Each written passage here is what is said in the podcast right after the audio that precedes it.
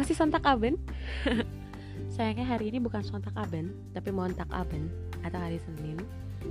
Sebelum gue hmm, cerita di podcast gue kali ini hari ini bakal beda banget. Podcast yang bakal gue buat buat kalian. Sebelumnya gue mau say thank you and say sorry at the same time buat kalian-kalian yang nungguin podcast gue sampai nge-DM kapan bikin podcast lagi dan lain sebagainya. Atau buat kalian-kalian yang bahkan sampai ngitungin lo udah dua minggu lo Ra nggak bikin podcast or lo udah tiga minggu lo Ra nggak bikin podcast gitu. Uh, gue mau bilang makasih banget kalian uh, masih appreciate karya gue yang abal-abal ini. Tapi sebelum sontak aben berubah menjadi montak aben hari ini gue bakal tutup program ini dan ganti program. Ganti ke program yang baru tapi sebelumnya kalian harus dengerin dulu episode terakhir dari Sontak Aben minggu ini ya. Oke, harusnya kalau tadi gue bilang episode terakhir nggak ada minggu ini kali ya. Jadi ceritanya kenapa gue sudah tiga minggu berturut-turut tidak buat uh, apa namanya podcast di hari Minggu. Alasannya adalah di tiga minggu berturut-turut ini kebetulan gue selalu capek di hari Minggu yang bikin gue cepet banget tidur sampai nggak sempet bikin podcast kayak gitu. Selain itu biasanya gue juga selalu agak uh, research bahan gitu buat bikin podcast.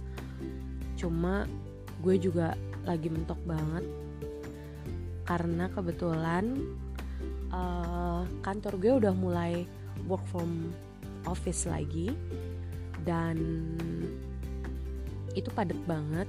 Dan kebetulan uh, siswa-siswi gue tuh sudah uh, ada di level yang cukup tinggi. Jadi menuntut gue juga untuk ekstra uh, kerja, ekstra ngoreksi, ekstra cari bahan, ekstra cari materi di luar jam kerja gue termasuk di hari Sabtu atau di hari Minggu. Nah, itulah alasan kenapa gue um, agak keteteran di tiga minggu terakhir ini untuk bikin podcast.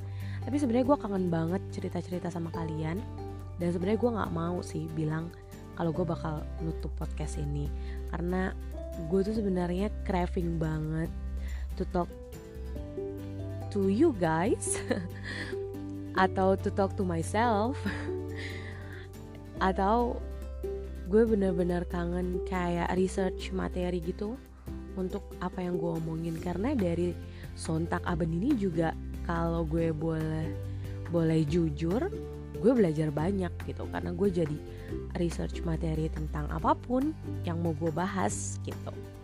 Jadi sebenarnya eh,